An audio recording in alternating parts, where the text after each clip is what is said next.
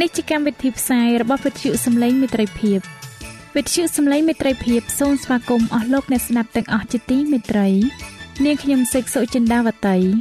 ហើយខ្ញុំបាទអង្ចាន់វិជ្ជៈក៏សូមស្វាគមន៍លោកអ្នកស្ដាប់ទាំងអស់ផងដែរនៅពេលនេះយើងខ្ញុំមានសេចក្តីសុំមនស្សរីករាយដោយបានវិលមកជួបអស់លោកអ្នកនាងកញ្ញាអ្នកស្ដាប់សាជាថ្មីម្ដងទៀត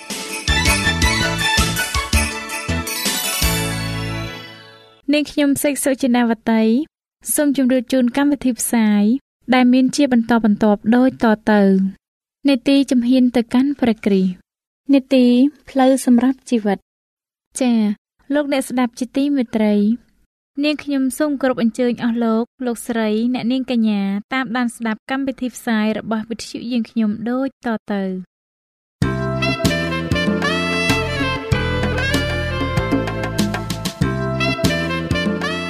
នីតិជំហានទៅកាន់ព្រះគ្រីស្ទ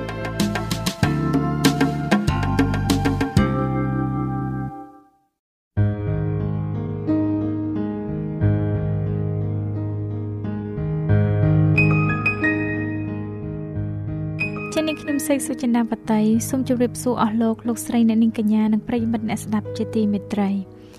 ពេលនេះនាងខ្ញុំបានវិលត្រឡប់មកជួបលោកអ្នកសាជាថ្មីម្ដងទៀតនៅក្នុងកម្មវិធីជំហានទៅកាន់ព្រះគ្រីស្ទ នៅពេលនេះនាងខ្ញុំសូមលើកយកនៅប្រធានបទថ្មីមួយទៀតមកចែកជូនដល់លោកអ្នកនាង ដែលមានចំណងជើងថាសិទ្ធិនៃសេចក្តីអធិដ្ឋានអស់លោកអ្នកជាទីមេត្រីតើអ្វីទៅ ជាសេចក្តីអធិដ្ឋាននោះតើសេចក្តីអធិដ្ឋានមានសារៈសំខាន់អ្វីដល់លោកអ្នកតើលោកអ្នកធ្លាប់អធិដ្ឋានដែរឬទេតើលោកអ្នកអធិដ្ឋានដោយរបៀបណាតើការអធិដ្ឋានបែបណា ដែលព្រះសពព្រះハរតីដើម្បីជាចម្លើយនៅរាល់ចំណោទទាំងនេះ សូមលោកអ្នកតាមដានស្ដាប់ជាមួយនឹងនាងខ្ញុំនៅប្រធានបទដែលមានចំណងជើងថាសិទ្ធិនៃសេចក្តីអធិដ្ឋានដូចតទៅព្រះជាម្ចាស់មានព្រះបន្ទូលមកកាន់យើងរាល់គ្នាតាមរយៈធម្មជាតិនិងការបើកសម្ដែងតាមរយៈតពញ្ញញាណរបស់ទ្រង់និងដោយអធិពលនៃព្រះវិញ្ញាណបរិសុទ្ធរបស់ទ្រង់ប៉ុន្តែការទាំងនេះមិនគ្រប់គ្រាន់នៅឡើយទេ គឺយើងត្រូវការសម្ដែងទឹកចិត្តរបស់យើងទៅទ្រង់ផងដែរដើម្បីឲ្យមានជីវិតមួយដែលប្រកបទៅដោយព្រះវិញ្ញាណនិងធម៌ពល យើងត្រូវមានទំនាក់ទំនងដ៏ពិតប្រាកដជាមួយនឹងព្រះបិតានៃស្ថានសួគ៌របស់យើង អារម្មណ៍របស់យើង ដែលផ្ដោតទៅលើទ្រង់និងឲ្យយើងផ្ចង់គំនិតរបស់យើងចំពោះទ្រង់ដើម្បីឲ្យមានទំនាក់ទំនងជាមួយនឹងព្រះជាម្ចាស់យើងត្រូវតែថ្លែងទូលទ្រង់នៅបញ្ហាដែលតាក់ទងនឹងជីវិតពិតប្រាកដរបស់យើង ហើយយើងត្រូវការសន្ទនាដ៏ពិសិដ្ឋរវាងខ្លួនយើងផ្ទាល់ជាមួយនឹងព្រះ គឺជាការដែលយើងម្នាក់ម្នាក់រាយរាប់ប្រាប់រឿងរ៉ាវគ្រប់យ៉ាងទៅឯទ្រង់ក្នុងសភាពនេះគឺទ្រង់ប្រៀបដូចជាមិត្តសម្លាញ់របស់ខ្លួន ហើយដែលគ្មាននរណាអាចចិត្តស្និទ្ធដូចទ្រង់បាននោះឡើយបើលោកអ្នកចំណាយពេលក្នុងការនិយាយជាមួយនឹងទ្រង់បានកាន់តែច្រើននោះលោកអ្នកនឹងមានទំនាក់ទំនងដ៏កាន់តែរឹងមាំ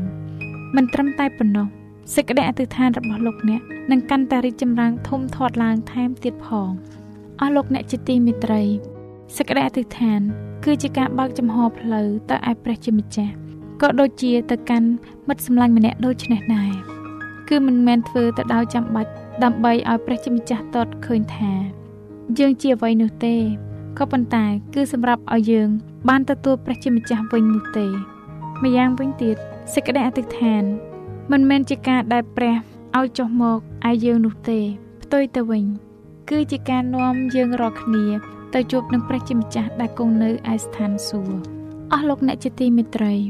ការដែលព្រះយេស៊ូវគង់នៅផែនដីនៅឡើយនោះទ្រង់បានបង្ហាត់បង្រៀនពួកសាវករបស់ទ្រង់ឲ្យចេះអធិដ្ឋានទ្រង់ណែនាំគេឲ្យចេះបង្ហាញសេចក្តីត្រូវការប្រចាំថ្ងៃរបស់គេ ទៅឯព្រះជាម្ចាស់ហើយប្រគល់អស់ទាំងកង្វល់របស់ពួកគេទាំងប៉ុន្មានទៅដល់ទ្រង់ផងដែរព្រះទ្រង់បានសន្យាថាទ្រង់ផ្ទៀងប្រកាសស្ដាប់សេចក្តីអធិដ្ឋានរបស់គេ ហើយសេចក្តីសន្យានោះទៀតសោតក៏នៅតែមានចំពោះយើងនាពេលបច្ចុប្បន្ននេះដែរព្រះយេស៊ូវអង្គទ្រង់ផ្ទាល់ក៏ទ្រង់អធិដ្ឋានជាប់ជានិច្ចនៅពេលដែលទ្រង់គង់នៅក្នុងចំណោមវងមនុស្សព្រះអង្គសង្គ្រោះនៃយើង បានចូលរួមក្នុងសេចក្តីត្រូវការនិងភាពកំសោយរបស់យើង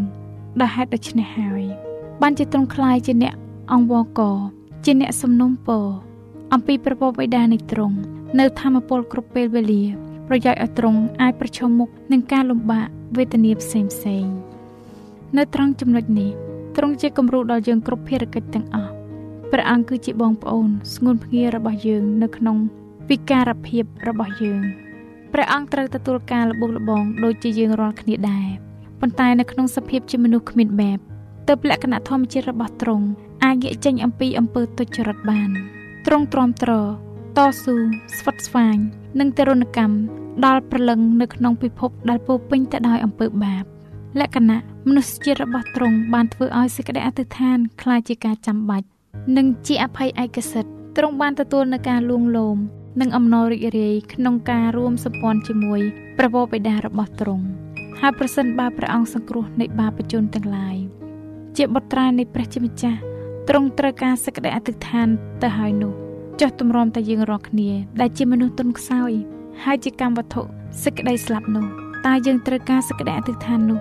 ជាងអបាលមានទៅទៀតនោះព្រះបវេដានៃស្ថានសួគ៌ទ្រង់រងចាំជានិច្ចក្នុងការប្រទានដល់យើង នៅព្រះពរដ៏បរិបូរណ៍គឺជាសិទ្ធិសេរីភាពរបស់យើង ក្នុងការក្រេបយកទឹកពីប្រភពទឹកដ៏រស់ហើយនឹងសេចក្តីស្រឡាញ់ដែលគ្មានព្រំដែនតាមសេចក្តីបងប្រាថ្នាចុះលោកអ្នកនាងជាទីមេត្រី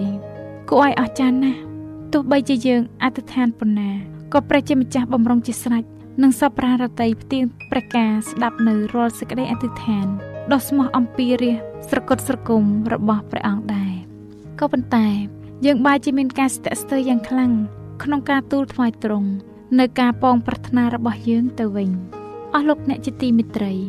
ចុះតើពួកទេវតានៃនគរស្ថានសួគ៌យល់យ៉ាងណា ចំពោះមនុស្សជាតិទុនខ្សោយ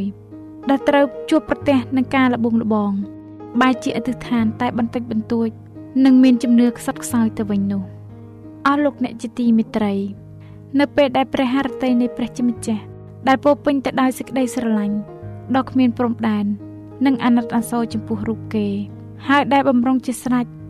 និងប្រទានឲ្យគេ ជាជាងអ្វីដែលគេប្រាថ្នាឬយល់បានទៅទៀតចុះហេតុអ្វី បានជាគេអធិដ្ឋានតែបន្តិចបន្តួចដោយសេចក្តីជំនឿដ៏ស្ដួយស្ដាងទៅវិញពពួកទេវតា ស្រឡាញ់ពេញចិត្តនិងថ្វាយបង្គំទ្រង់និងនៅក្បែរទ្រង់ពពួកទេវតាទាំងនោះយល់ថា នៅជាប់នឹងព្រះជាម្ចាស់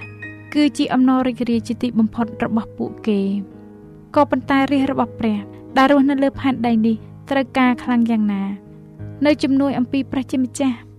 បើជាខុសចិត្តដោដោយគ្មានពន្លឺនៃព្រះវិញ្ញាណបរិសុទ្ធដែលជាព្រះវត្តមាននៃព្រះជាម្ចាស់ទៅវិញស្រមោលអន្តកាលរបស់មាសាតាំង បានស្រោចបិទបាំងអស់អ្នកដែលធ្វេសប្រហែសក្នុងការអធិដ្ឋានសំឡេងខ្សឹបខ្សៀវរបស់មាសាតាំងបានអុចអាលចិត្តឲ្យធ្វើបាបហើយការទាំងនោះកាត់ឡើង ពីព្រោះតែគេមិនបានប្រើសិទ្ធដែលព្រះបានប្រទានឲ្យគេជួបជាមួយនឹងព្រះដើម្បីអធិដ្ឋាននោះឯងតាមមូលហេតុអ្វី បានជាកូនស្ងួនភ្ងានៃព្រះជាម្ចាស់មានការរារែកនិងអធិដ្ឋានបើការអធិដ្ឋាននោះគឺជាកូនសោនៅក្នុងកុនដដៃ នៃអ្នកដែលមានសេចក្តីជំនឿដើម្បីនឹងបើកទ្វារខ្លាំងនៃស្ថានសួគ៌ដែលជាប្រភពដ៏មិនចេះរីងស្ងួតនោះបើគ្មានការអធិដ្ឋានដ៏ខ្ជាប់ខ្ជួនទេ ហើយបើគ្មានការខ្លំមើលដ៏ប្រុងប្រយ័ត្នទេនោះយើងនឹងស្ថិតនៅក្នុងភាពគ្រោះថ្នាក់និងការធ្វេសប្រហែសដែលកើតឡើងជាលំដាប់ ក្នុងការងារចេញពីផ្លូវត្រូវបច្ចាមិត្តរបស់យើង ដែលជាមេសាតាំងកំពុងស្វះស្វែងឥតឈប់ឈរដើម្បីរៀបរៀងផ្លូវរបស់យើង ដែលនាំទៅកាន់ទីសណ្ដោះប្រោសប្រណីបើយើងមិនបានអធិដ្ឋានសូមនិងមានជំនឿដ៏ស្មោះអស់អំពីចិត្តនោះទេ យើងមិនអាចទទួល បាននៅព្រះគុណនិងអំណាច ដើម្បីទប់ទល់នឹងការលបងលបងនោះបានឡើយអស់លោកអ្នកជាទីមេត្រី មានលក្ខខណ្ឌមួយចំនួន ដែលយើងអាចកំពឹងបានថាព្រះជាម្ចាស់បានផ្ទៀងប្រការស្ដាប់និងឆ្លើយតបនឹងការអធិដ្ឋានរបស់យើង លក្ខខណ្ឌមួយក្នុងចំណោមលក្ខខណ្ឌទាំងនោះគឺ យើងត្រូវយល់ដឹងអំពីសេចក្តីត្រូវការសេចក្តីជំនួយអំពីទ្រង់ព្រះអង្គបានសន្យានៅក្នុងព្រះគម្ពីរអេសាយជំពូក44ខ3យ៉ាងដូចនេះថាអញនឹងចាក់បង្ហូរទឹកទៅដល់អ្នកស្រេកហើយផ្ដល់ទឹកដល់ជោគជនទៅទីដ៏ស្ងួតហែងអស់លោកអ្នកជាទីមេត្រីអស់លោកអ្នកដែលស្រេកឃ្លានចំពោះសេចក្តីបរិសុទ្ធត្រឹមត្រូវហើយដែលប្រាថ្នាដើរតាមព្រះជាម្ចាស់អាចដឹងប្រកាសថាព្រះជាម្ចាស់ និងបំពេញសេចក្តីត្រូវការរបស់គេប៉ុន្តែចិត្តត្រូវតែបើកចំហទទួលយកអធិពលនៃព្រះវិញ្ញាណបរិសុទ្ធបើពុំនោះសោតទេ យើងមិនអាចទទួលបាននៅព្រះពររបស់ព្រះជាម្ចាស់បាននោះឡើយយើងត្រូវតែស្វះស្វែងរកព្រះជាម្ចាស់ដើម្បីឲ្យទ្រង់ជួយសម្រេចការនេះសម្រាប់យើងទ្រង់មានប្រាប់បន្ទូលនៅក្នុងព្រះគម្ពីរម៉ាថាយចំពុក7ខ7ថាជើសូមនោះអ្នកនឹងទទួល ហើយនៅក្នុងព្រះគម្ពីររ៉ូមចំពុក8ខ32វិញបានសម្ដែងថាឯព្រះអង្គដែលមិនបានសំចៃទុកនៅព្រះរាជបត្រាទ្រង់បង្កើតគឺបានបញ្ជូនទ្រង់ទៅជំនួសយើងរាល់គ្នានោះតើទំនងអ្វីឲ្យទ្រង់មិនប្រទានគ្រប់ទាំងអស់មកយើងជាមួយនឹងព្រះរាជបត្រាទ្រង់នោះផង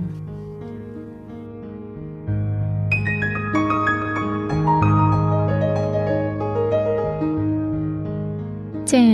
ដោយពេលវេលាមានកំណត់ យើងខ្ញុំសូមផ្អាកនេតិជំហានទៅកាន់ព្រះគ្រីស្ទនេះ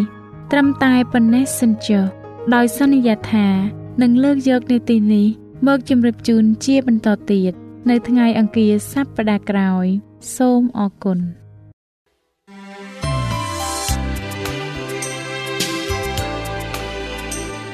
វិទ្យុសំឡេងមេត្រីភាព AWR ជាវិទ្យុដែលនាំមកពីក្នុងការនាំព្រះរាជសាររបស់ព្រះជាម្ចាស់សម្រាប់លោកអ្នក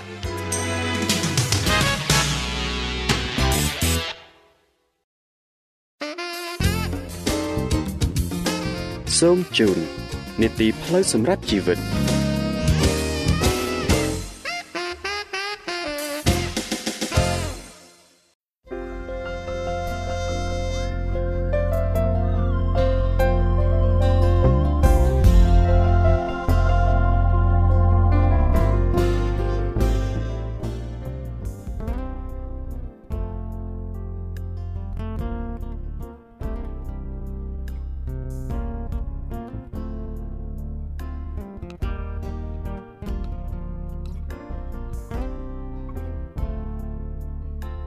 ចាអស់លោកអ្នកស្ដាប់ជាទីមេត្រី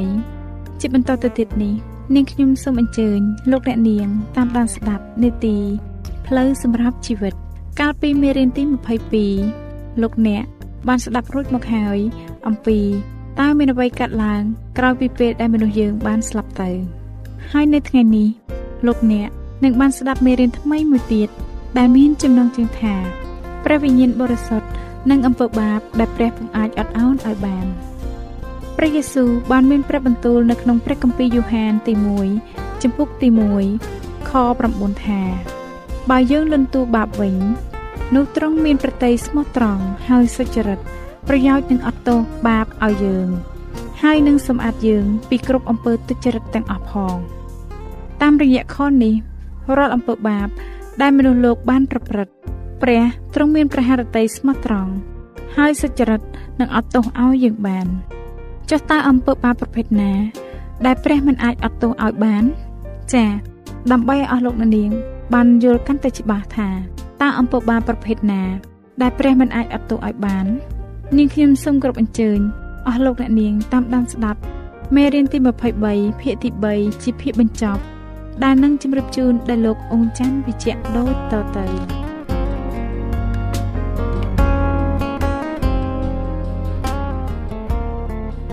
នីតិផ្លូវសម្រាប់ជីវិត ព្រះវិញ្ញាណបរិសុទ្ធនិងអំពើបាបដែលព្រះពុំអាចអត់ឱនឲ្យបានតទៅនេះគឺជាចំណុចខ្លះខ្លះដែលព្រះវិញ្ញាណបានធ្វើសម្រាប់អ្នកគ្រីស្ទៀនចំណុចកព្រះវិញ្ញាណបរិសុទ្ធប្រទានឥទ្ធិពលដល់អ្នកគ្រីស្ទៀនដើម្បីគ្រប់គ្រងឬជំរះលើអំពើបាបហើយឲ្យរស់នៅដោយសុចរិតយុត្តិធម៌ពីមួយថ្ងៃទៅមួយថ្ងៃលោកអ្នកអាចមើលនៅក្នុងព្រះគម្ពីររ៉ូមចំពុក8ខ1ដល់ខ4 និងព្រះគម្ពីរអេសាគៀលចំពុក36ខ27បានចំណុចខព្រះវិញ្ញាណបរិសុទ្ធគឺជាគ្រូនៃសេចក្តីពិត គឺជាប្រមុខដឹកនាំនៃអ្នកគ្រីស្ទៀនពោលគឺព្រះអង្គបានដឹកនាំអ្នកទៅរកសេចក្តីពិតដោយដែលមានចែងទុកនៅក្នុងព្រះគម្ពីរយូហានចំពុក16ខ13យ៉ាងដូច្នោះដែរកាលបើលោកអ្នកធ្វើខុសអ្វីមួយតើលោកអ្នក មានដែនស្រមៃថាដូចជាលឺសំឡេងអ្វីមួយនិយាយមកកាន់លោកអ្នកដែរឬទេ នេះគឺសំឡេងនៃព្រះវិញ្ញាណបរិសុទ្ធហើយព្រះគម្ពីរអេសាយចំពុក30ព្រះគម្ពីរអេសាយចំពុក30ខ21បានសម្ដែងប្រាប់យើងរាល់គ្នាថាហើយកាលណាអ្នករាល់គ្នាបែរទៅខាងស្ដាំឬខាងឆ្វេងនោះត្រចៀកនឹងលឺពីក្រោយឯងថាគឺផ្លូវនេះចូលដើរតាមនេះវិញបើអ្នកព្រមស្ដាប់តាមសំឡេងព្រះវិញ្ញាណបរិសុទ្ធទ្រង់នឹងដឹកនាំទៅរកត្រូវហើយថែរក្សាអ្នកមិនឲ្យធ្លាក់ទៅក្នុងអំពើបាបឡើយបើអ្នកមិនស្ដាប់តាមទ្រង់ទេ ហើយច្រានចោលព្រះវិញ្ញាណបរិសុទ្ធនោះអ្នកនឹងគ្មានសង្ឃឹមសោះឡើយហើយក៏ធ្លាក់ទៅក្នុងអំពើបាបដែរចំណុចគោព្រះវិញ្ញាណបរិសុទ្ធបានបដូរអាកប្បកិរិយារបស់ពួកគ្រីស្ទានព្រះគម្ពីរយូហានទី1ចំពុក3ខ2បានចែងថាពេលពេញទៅដោយព្រះវិញ្ញាណបរិសុទ្ធយើងក៏រីកធំធាត់ឡើងជារៀងរាល់ថ្ងៃរហូតយើងនឹងបានជួបព្រះយេស៊ូវនៅពេលដែលទ្រង់នឹងយាងមកវិញ ចំណុចខអ្នកគ្រីស្ទានបានត្រង់ប្រាប់ស្ដាប់តាមព្រះវិញ្ញាណបរិសុទ្ធដោយទំនុកទុកចិត្តនិងដោយជំនឿដោយនៅព្រះវិញ្ញាណក្នុងសន្តានចិត្តយើងនោះព្រះវិញ្ញាណបរិសុទ្ធនឹងតាំងសញ្ញានៅខាងក្នុងចិត្តរបស់យើងថា យើងនេះហើយពិតជាកូនព្រះអង្គម្ចាស់ចូលអ្នកគិតមើលតើវាមានន័យយ៉ាងដូចម្ដេចសូមមើលព្រះគម្ពីររ៉ូមជំពូក8ខ14និងខ15បន្ថែម ចំណុចងបើសិនជាមានកិច្ចការប្រព្រឹត្តទៅដោយពិបាក ព្រះវិញ្ញាណបរិសុទ្ធនឹងយាងមកលួងលោមដល់អ្នកជឿទ្រង់ជាជាមិនខានដោយដែលមានចែកទុកក្នុងព្រះគម្ពីរកិច្ចការចំពុក9ខ31ចំណុចចបើយើងមិនដឹងថាតើយើងត្រូវអធិដ្ឋានយ៉ាងណាឬអធិដ្ឋានអ្វីដោយមានការចង្អៀតចង្អល់តឹងតែងនឹងជីវិតនោះព្រះវិញ្ញាណបរិសុទ្ធនឹងបញ្យល់ឲ្យបង្ហាញលោកអ្នកឲ្យចេះអធិដ្ឋាននេះជាសេចក្តីបញ្ជាក់យ៉ាងពិតប្រាកដ លើសេចក្តីត្រូវការពិតរបស់យើងជាជាងខាងចំណងរបស់យើងដោយដែលមានចែងទុកនៅក្នុងព្រះគម្ពីររ៉ូមចំពោះ8ខ26ចំណុចឆព្រះវិញ្ញាណបរិសុទ្ធបានធ្វើវិភាគទាននិងធ្វើអំណោយទានពិសេសយ៉ាងខ្ជាប់ខ្ជួនដល់អ្នកគ្រីស្ទានដើម្បីឲ្យគេបំពេញការងារក្រុមជំនុំតទៅទៀតទាំងអស់នេះនិងលើសពីនេះទៅទៀតដែលព្រះបានធ្វើដោយសារការស្ថិតនៅក្នុងខ្លួនរបស់យើងតាមរយៈព្រះវិញ្ញាណបរិសុទ្ធ បើគ្មានជំនួយពីព្រះវិញ្ញាណបរិសុទ្ធនោះទេនោះលោកអ្នកនឹងមិនអាចប្រយុទ្ធតតាំងនឹងអំពើបាបហើយទទួលបានជ័យជំនះនៅក្នុងជីវិតរបស់លោកអ្នកនោះទេសូមលោកអ្នកយាងព្រះអង្គចូលមកគង់នៅក្នុងចិត្តរបស់លោកអ្នកឥឡូវនេះហើយសូមឲ្យជីវិតនៃព្រះអម្ចាស់ដូចជាទឹកសន្សើមនៅក្នុងដើមឈើហើយសូមឲ្យទ្រង់បានចាក់ឫសពីពេញតែក្នុងចិត្តរបស់លោកអ្នកចោះអំពើបាបដែលធ្លាប់យីយីពីមុនមកនោះនឹងរលាយបាត់ទៅវិញជាជាមិនខាន ហើយលោកអ្នកនឹងមានសតិសម្បញ្ញៈឡើងវិញដោយសារព្រះវិញ្ញាណបរិសុទ្ធបានគង់ជាមួយលោកអ្នកកាលណាលោកអ្នកស្ថិតនៅក្រោមការត្រួតត្រានិងការពៀតនៃអំណាចរបស់ព្រះវិញ្ញាណបរិសុទ្ធនោះសូមលោកអ្នកសម្ដែងចេញជាពាក្យអំណរអរគុណយ៉ាងច្រើនលើសលប់ដែលស្ដែងតាមរយៈសកម្មភាពពីមួយថ្ងៃទៅមួយថ្ងៃដើម្បីឲ្យជ័យជំនះរបស់លោកអ្នកនៅតែនៅក្រោមដៃរបស់លោកអ្នកដោយមានព្រះវិញ្ញាណបរិសុទ្ធជាអ្នកដឹកនាំចំណុចទី7 ការមិនព្រមស្ដាប់នៅពេលព្រះវិញ្ញាណបរិសុទ្ធមានបន្ទូលមករកលោកអ្នកការបើលោកអ្នករៀនព្រះគម្ពីរប៊ីបសូមលោកអ្នកមេត្តាអោនចោះហើយទូលសូមព្រះវិញ្ញាណបរិសុទ្ធឲ្យជួយលោកអ្នកដើម្បីឲ្យបានយល់និងបានគោរពដល់ព្រះបន្ទូលផងបើលោកអ្នកមិនព្រមស្ដាប់តាមសម្លេងព្រះវិញ្ញាណបរិសុទ្ធទេនោះមានន័យថាលោកអ្នកកំពុងតែច្រានចោលព្រះវិញ្ញាណបរិសុទ្ធនិងមិនព្រមស្ដាប់បង្គាប់តាមព្រះបន្ទូលរបស់ទ្រង់នោះឡើយ ចាប់តាំងពីព្រះបានប្រាប់ឲ្យមនុស្សសរសេរគម្ពីរតាមព្រះបន្ទូលទ្រង់មកព្រះវិញ្ញាណបរិសុទ្ធបានជួយឲ្យយល់ពីគម្ពីរប៊ីបព្រះគម្ពីរប៊ីបបានបង្រៀនខ្លួនហើយប៉ុន្តែមានអ្នកខ្លះគេនៅតែនិយាយចចេះថាខ្ញុំដឹងថាព្រះគម្ពីរបាននិយាយពីអ្វីហើយប៉ុន្តែខ្ញុំមិនត្រូវការធ្វើតាមទេខ្ញុំធ្វើតាមតែការដឹកនាំរបស់ព្រះវិញ្ញាណបរិសុទ្ធតែប៉ុណ្ណោះដែលទ្រង់ប្រាប់ថាមិនចាំបាច់គោរពតាមក្រឹតវិន័យតទៅទៀតឡើយសូមស្ដាប់ចុះ មនុស្សនោះមិនមែនជាមនុស្សដែលដឹកនាំដោយព្រះវិញ្ញាណបរិសុទ្ធនោះទេតាំងពីពេលព្រះវិញ្ញាណបរិសុទ្ធបានផ្ដល់គម្ពីរមកអ្វីអ្វីដែលព្រះវិញ្ញាណបរិសុទ្ធបានប្រាប់ឲ្យយើងធ្វើនោះគឺត្រឹមត្រូវឥតខ្ចោះហើយវាស្របទៅនឹងសេចក្តីបង្រៀននៃព្រះបន្ទូលរបស់ព្រះដែលបានសរសេរមកដូច្នេះបើអ្នកណាម្នាក់គោរពតាមការដឹកនាំនៃព្រះវិញ្ញាណបរិសុទ្ធនោះបានសេចក្តីថានឹងគោរពក្រឹតវិន័យទាំង10ប្រការដោយប្រព្រឹត្តតាមព្រះគម្ពីរផងដែរ មានសម្លេងមួយហាក់បីដូចជាបាននិយាយទៅកាន់មនុស្សម្នាក់ដែលកំពុងតែជិះលើខ្នងសេះបោលយ៉ាងលឿនកាត់ទីងងឹតសម្ដៅទៅកន្លែងដេកនៃអ្នកជំងឺម្នាក់ថាឈប់ភ្លាមភ្លាមនោះគាត់ក៏ទាញបង្ហៀសេះឲ្យឈប់នៅពេលនោះស្រាប់តែមានពលឺផ្លេចបន្ទោផ្លេចផ្លេចមកធ្វើឲ្យមនុស្សនោះមើលឃើញនៅចំពីមុខខ្លួនបើសិនជាគាត់ទៅមុខ10ជំហានទៀតគាត់មកតែធ្លាក់ពីជំរាលភ្នំយ៉ាងខ្ពស់នោះជាជាមិនខានហើយគាត់នឹងស្លាប់ប៉ុន្តែ ដោយព្រោះគាត់ព្រមស្ដាប់ព្រះបន្ទូលនៃព្រះវិញ្ញាណបរិសុទ្ធទើបគាត់បានរួចពីសេចក្តីស្លាប់ព្រះវិញ្ញាណបរិសុទ្ធបានឃើញមនុស្សម្នាក់ប្រព្រឹត្តកំហុសព្រះអង្គទ្រង់ស្រែកថាឈប់ប៉ុន្តែបើអ្នកនោះមិនព្រមស្ដាប់តាមទេនោះអ្នកនោះរត់តែទៅឆ្ងាយពីសេចក្តីសង្គ្រោះរបស់ព្រះវិញ្ញាណបរិសុទ្ធហើយអ្នកនោះឯងធ្លាក់ពីជំរាលភ្នំហើយធ្លាក់ចូលទៅក្នុងអំពើបាបយ៉ាងជ្រៅដែលគាត់មិនអាចងើបរួចឡើយតាមរយៈព្រះគម្ពីរលោកុបាទចំពោះ6ខ3 ព្រះអង្គបានដាស់តឿនយើងថាព្រះវិញ្ញាណរបស់ឯងនឹងមិននៅតវ៉ាជាមួយមនុស្សរហូតទេតែនៅទីបំផុតអ្នកដែលមិនព្រមស្ដាប់តាមព្រះវិញ្ញាណបរិសុទ្ធនឹងទទួលបាននូវលទ្ធផលយ៉ាងណាវិញដោយសារការប្រយុទ្ធប្រឆាំងជានិច្ចកាលទៅនឹងការដង្ហើយហៅរបស់ទ្រង់តាមរយៈព្រះវិញ្ញាណបរិសុទ្ធអ្នកនោះនឹងទៅដល់កន្លែងមួយ ដែលទទួលរងនឹងការជឿចាប់ដោយព្រោះតែអំពើបាបដែលខ្លួនបានប្រព្រឹត្តហើយក៏គ្មានសេចក្តីសង្ឃឹម លើសេចក្តីសង្គ្រោះណាឡើយសម្រាប់មនុស្សរបៀបនោះ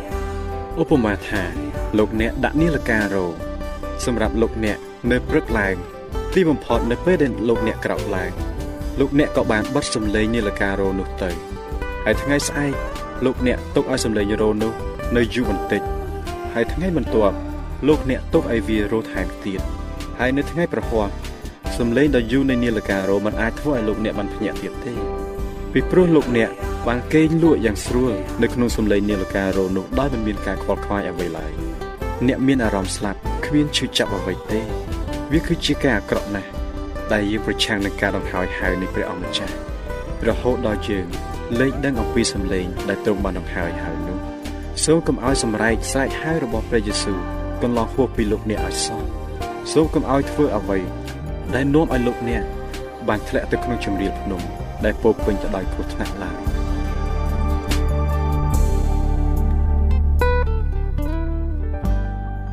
ចា៎បងប្អូនប្រិយមិត្តអ្នកស្ដាប់ជាទីមេត្រី ដោយពេលវេលាមានកំណត់យើងខ្ញុំសូមផ្អាកនេតិផ្លូវសម្រាប់ជីវិតនេះត្រឹមតែប៉ុណ្ណេះសិនចុះដោយសន្យាថានឹងលើកយកនេតិនេះមកជម្រាបជូនជាបន្តទៅទៀតនៅថ្ងៃពុធសប្តាហ៍ក្រោយ សូមអរគុណ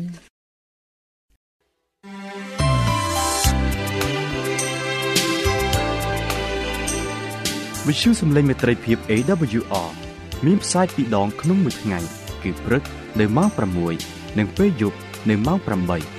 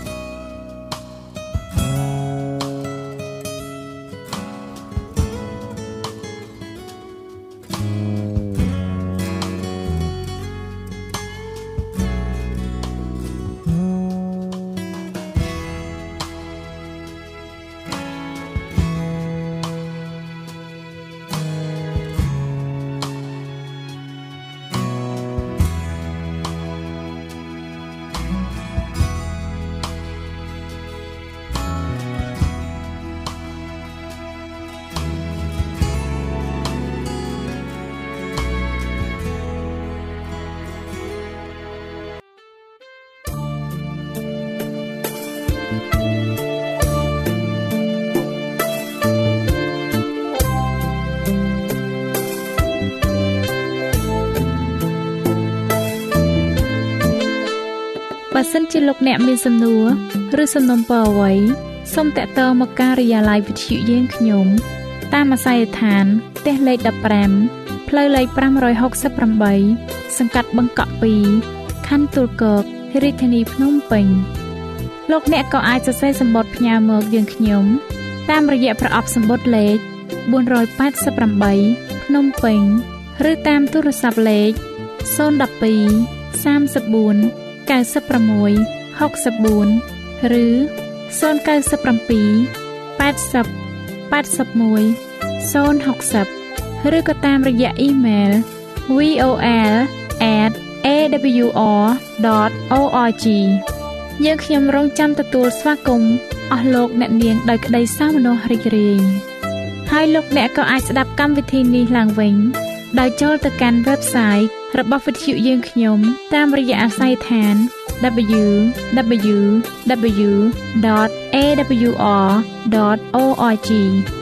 លោកអ្នកនាងកញ្ញាជាទីមេត្រី កម្មវិធីផ្សាយរបស់វិទ្យុសំឡេងមេត្រីភាពនៅពេលនេះសូមបញ្ចប់តែប៉ុណ្ណេះយើងខ្ញុំសូមអរគុណចំពោះការតាមដានស្ដាប់របស់អស់លោកអ្នកតាំងពីដើមរហូតដល់ចប់